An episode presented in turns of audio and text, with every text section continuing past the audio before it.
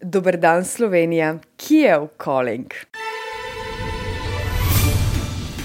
Eurovizija 2017.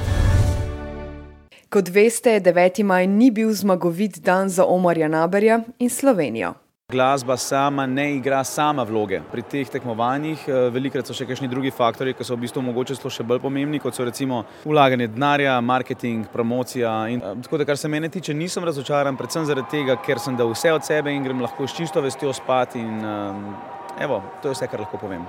In šov mora iti naprej. Danes večer se bo na 62. Euroviziji pokazalo novih 18 držav, 10 najboljših se bo pridružilo 16, ki že čakajo na finale. Urnik tukaj je zelo naporen, eh, jutra sploh ne obstajajo, vse skupaj se ponavadi začne po 12 in konča ob 2 ali 3 zjutraj naslednji dan. Morda niste vedeli, generalke so javne, nastopajoči morajo že dan pred nastopom. Na obeh generalkah nositi make-up in večerno obleko, v prodaji so tudi vstopnice, domačini so tako lahko že včeraj videli enak šov, kot ga boste vi videli nocoj na televiziji.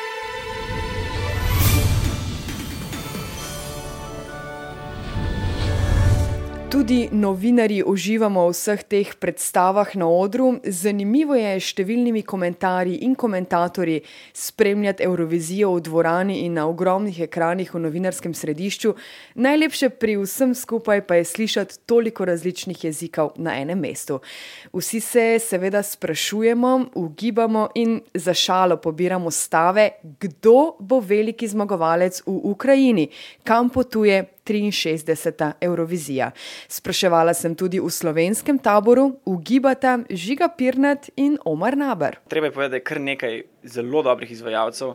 Izvajalcev, ki niso samo torej, dobri kot pevci, plesalci, kakorkoli, ampak imajo tako karizmo, da že ko jih, ko jih vidiš v sobi, ko stopijo v polno sobo, kar nekako napolnijo prostor. Zaenkrat se malo nagibam k Bolgariji, potem kar sem videl. Veliko pesmi, oziroma veliko izvajalcev in izvajalk mi je letos všeč. Vsak ima neke svoje dobre točke, na katere se lahko opreš. Recimo, portugalski predstavnik je zelo čustven, zelo, recimo, zelo jasno je, da nagovarja publiko in lahko se zjokaš ob taki skladbi.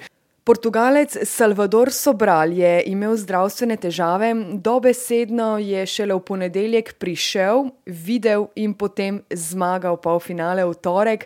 Na mesto njega pa je v pripravljalnem tednu nastopala in dajala intervjuje njegova sestra, ki je tudi avtorica skladbe. Diz que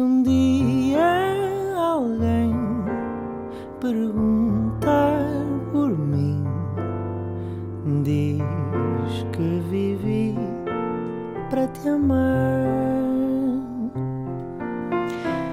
Zelo nežen komat, zelo intimen, zelo neeurovizijski. Zagotovo največje presenečenje letošnjega leta na famoznih stavnicah na odličnem drugem mestu, čeprav Salvador, kot omenja v intervjujih in na novinarskih konferencah, niti v sanjah si ni predstavljal, da bi kdaj lahko nastopal na takšni prireditvi. No way, you know. Uh, I, I never watched this this contest. Uh, I never uh, I never paid attention to it. Uh, it's it's you know pop music. Um, I don't really listen to it. Nikoli ni niti gledal prireditve ali poslušal pop glasbe, ampak zdaj je tukaj. Favorit, preprost in vesel, da je lahko del tega šova. Na vsakem koraku poudarja, da ni politik, ne želi biti le človeški je. Zaznava svet okrog sebe, vojne, begunsko krizo, opozarja na vse to in si resnično, brez klišeja, ki ga je veliko v naslednjem stavku. Želi si mir na svetu, želi pomagati. Mislim, da vsi to lahko začutimo, ko ga vidimo in slišimo, čeprav morda ne razumemo besedila. Pev bo v portugalščini.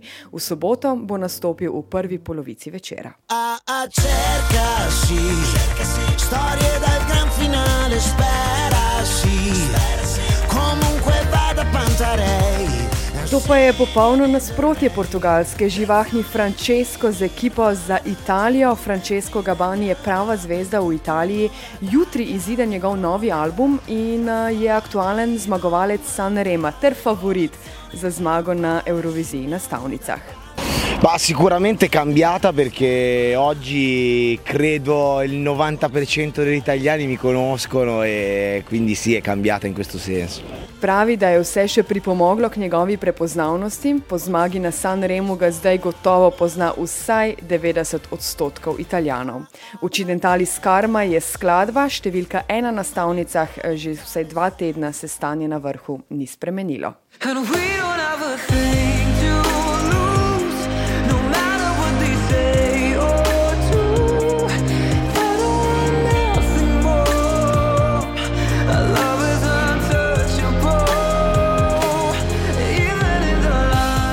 Še eden je na vrhu stavnice, čeprav se premika od tretjega do petega mesta, mu novinari in konkurenca posvečajo veliko pozornosti. Kristjan Kostov je poleg Avstralca najmlajši tukaj, marca letos je dopolnil 17 let. Nad vsem je navdušen, na novinarskih konferencah poudarja, kako ima rad ljudi tukaj in organizacijo in kako je vesel in srečen, da zato ne razmišlja o uvrstitvi, da bi samo dobro rad predstavljal svojo državo.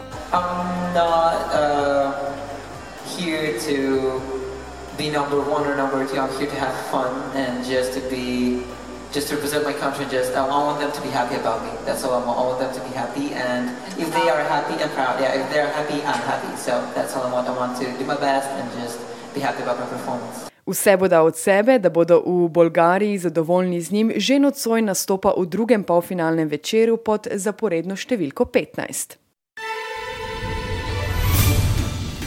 Eurovizija 2017.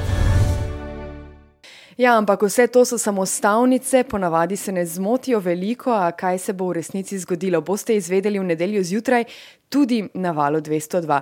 Še ena zanimivost, verjetno nič novega, zdaj je tudi znanstveno dokazano.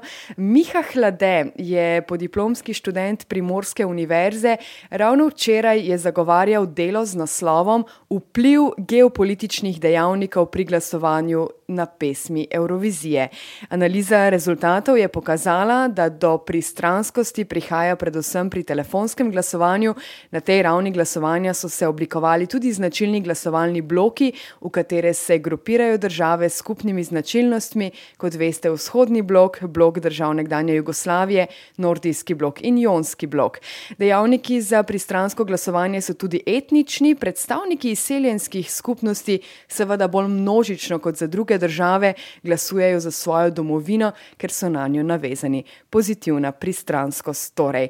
Miha Hladeše ugotavlja, da tudi gospodarski dejavniki, predvsem kar se tiče uvoznega in izvoznega partnerstva med državami, vplivajo na glasovanje. Že nocoj lahko med drugimi navijate za blok držav nekdanje Jugoslavije, nastopijo Srbija, Makedonija in Hrvaška.